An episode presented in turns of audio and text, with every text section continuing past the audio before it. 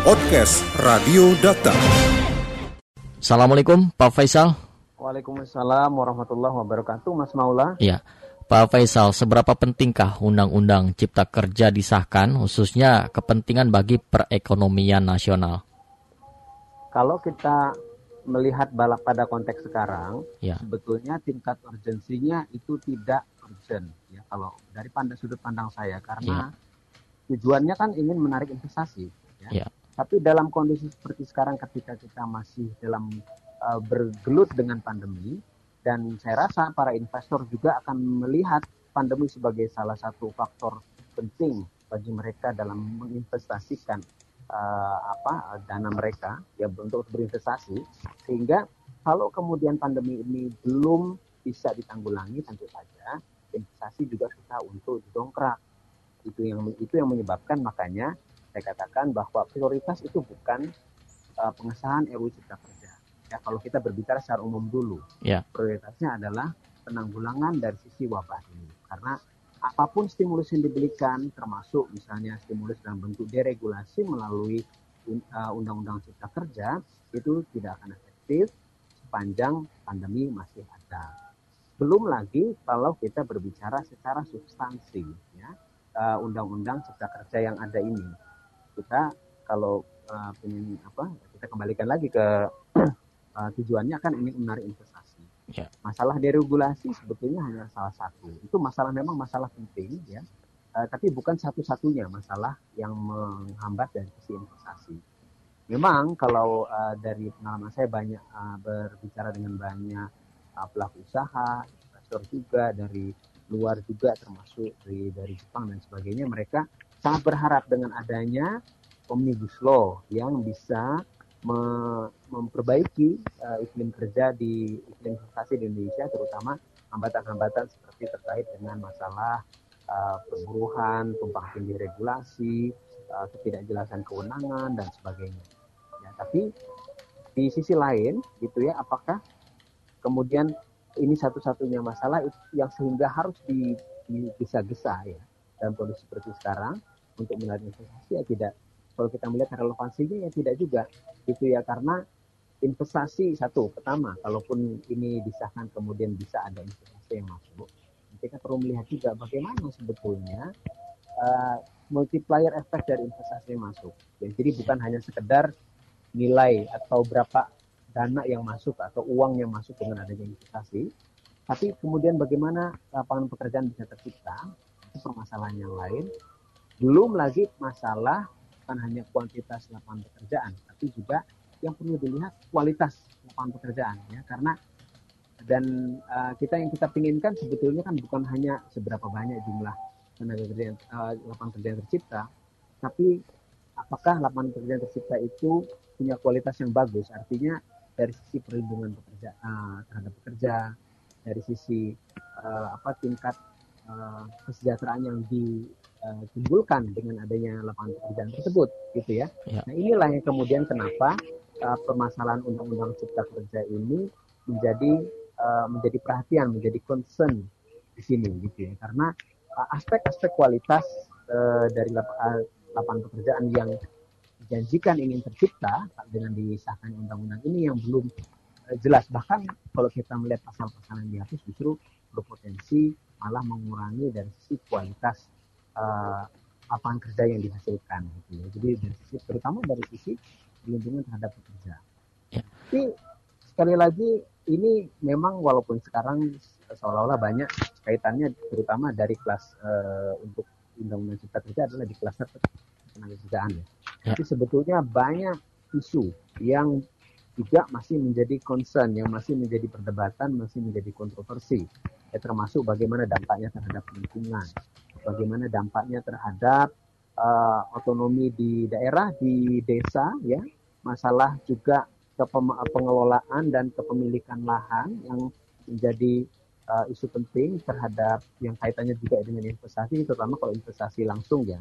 Nah itu, ini jadi undang-undang cipta kerja ini punya cakupan yang begitu luas ya dari sisi substansi, dari sisi sektor yang terlibat, dari sisi pemangku kepentingan yang di, yang terlibat ya baik itu dari pemerintah pemerintah juga bukan dari pusat saja tapi juga sampai ke daerah dan desa lalu juga masyarakat dan pelaku usaha. Sehingga kalau cakupannya begitu kompleks ini tentu saja tidak bisa lantas diburu-buru ya karena butuh waktu untuk kemudian apa me, menyamakan uh, persepsi kemudian apa uh, memperhatikan aspirasi dari berbagai macam komponen ini gitu ya kalau kemudian diburu-buru digesa-gesa seperti kemarin Ya. nah ini justru yang saya khawatirkan harapan kita untuk bisa mendorong pertumbuhan ekonomi melalui investasi malah khawatirnya akan menjadi bumerang ya nanti depannya.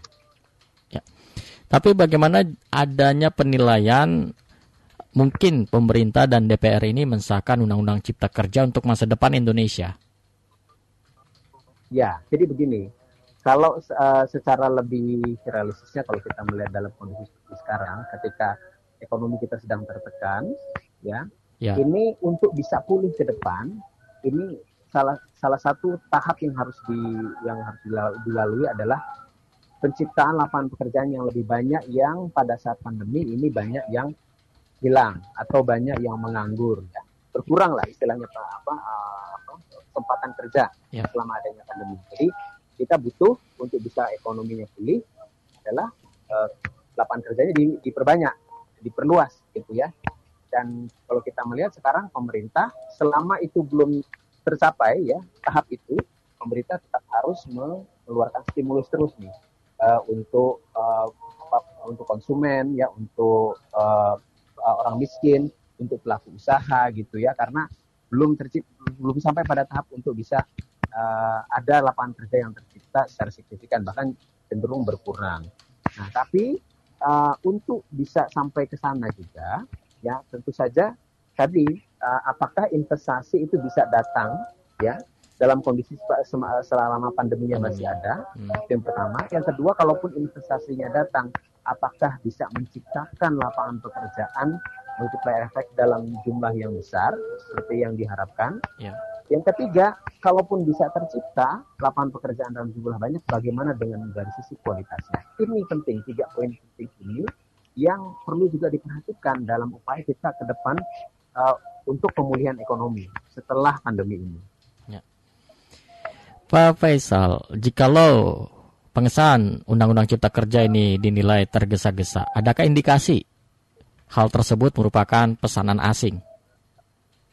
Um, saya tidak ingin berspekulasi gitu ya, tapi menurut saya kalau dengan cara-cara yang begitu diburu-buru seperti yang sudah dilakukan, saya rasa wajar kalau banyak pihak yang kemudian dalam tanda kutip mencurigai bahwa ini memang ada kepentingan-kepentingan yang ingin diakomodasi ya, Ya. mungkin bu- bukan hanya asing ya tapi juga kepentingan dari sebagian oligark ya yang Oh, eh, apa yang ada di, da- di di dalam negeri sendiri ya di antara bangsa kita sendiri gitu. Ya. jadi eh, wajar kalau kemudian banyak yang eh, apa pe- mencurigai dalam tanda kutip itu tadi ya karena dari sisi urgensinya sebetulnya tidak perlu digesa-gesa ya. tapi luar biasa sekali digesa-gesanya pada kenyataannya maksud saya Tapi sebenarnya Undang-Undang Cipta Kerja ini adakah dampak positifnya walaupun kecil?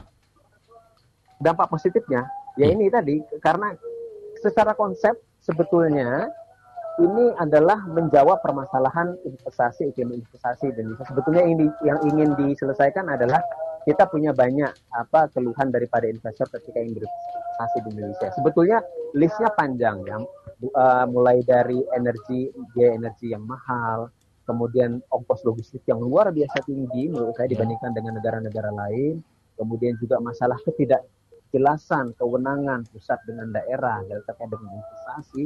Nah, lalu termasuk di antaranya juga adalah tumpang tindih regulasi. Nah, inilah yang yang terutama dari sisi regulasi inilah yang ingin dicoba di apa diatasi dengan adanya omnibus law. Tapi sekali lagi ternyata omnibus law cakupannya begitu luas ya, begitu luas sekali. Ya. Ya, me- me- dimensinya melebihi sebetulnya dari sekedar deregulasi saja.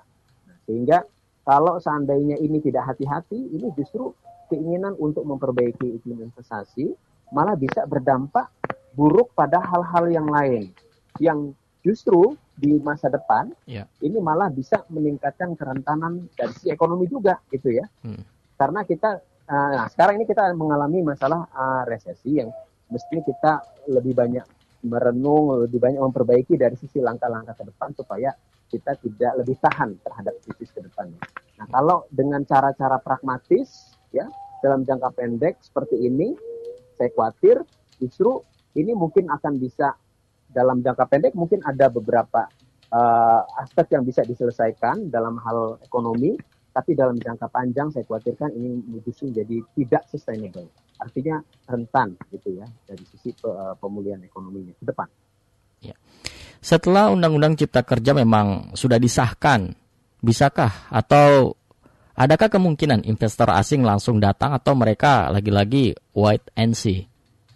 Ya, saya rasa masih wait and see ya. ya. Karena ini tergantung dari banyak sekali faktor yang seperti saya jelaskan tadi gitu ya. ya. Kalau kita melihat misalkan dari eh, respon singkat saja ya. Kalau bisa kelihatan kan sekarang kalau dari investasi yang singkat itu kan dari bagaimana pasar bereaksi IHSG. Ini walaupun positif sebetulnya tidak ada peningkatan yang luar biasa. Maksudnya yang melebihi pening, uh, pertumbuhan IHSG di masa-masa misalkan pada saat ini normal gitu ya. ya. Nah ini tidak ada. Jadi pertumbuhannya masih wajar-wajar saja gitu. Ya. Ini kalau kita melihat reaksi sesaat ya dari dari pasar. Ya. Nah, apalagi kalau kemudian berbicara investasi langsung yang dia ukuran-ukuran pertimbangannya itu jangka panjang, bukan hanya jangka pendek. Saya rasa banyak investor yang masih wait and see, apalagi kalau kemudian masih banyak penolakan-penolakan, resistensi ya, walaupun undang-undangnya sudah disahkan. Nah, ini kan justru bisa meningkatkan kekhawatiran ya, yang ya. kekhawatiran instabilitas ya, justru yang malah bisa mengganggu juga iklim investasi. Terima kasih Pak Faisal sudah berbincang bersama Dakta. Mudah-mudahan ini bisa mencerahkan sejumlah pihak dengan disahkannya Undang-Undang Omnibus Law Cipta Kerja. Selamat melanjutkan aktivitas kembali. Assalamualaikum. Podcast Radio Dakta anda cukup masuk ke mesin pencari Google atau lainnya dan tinggal mengetik podcast Radio Data. Podcast Radio Data, aktual dan informatif.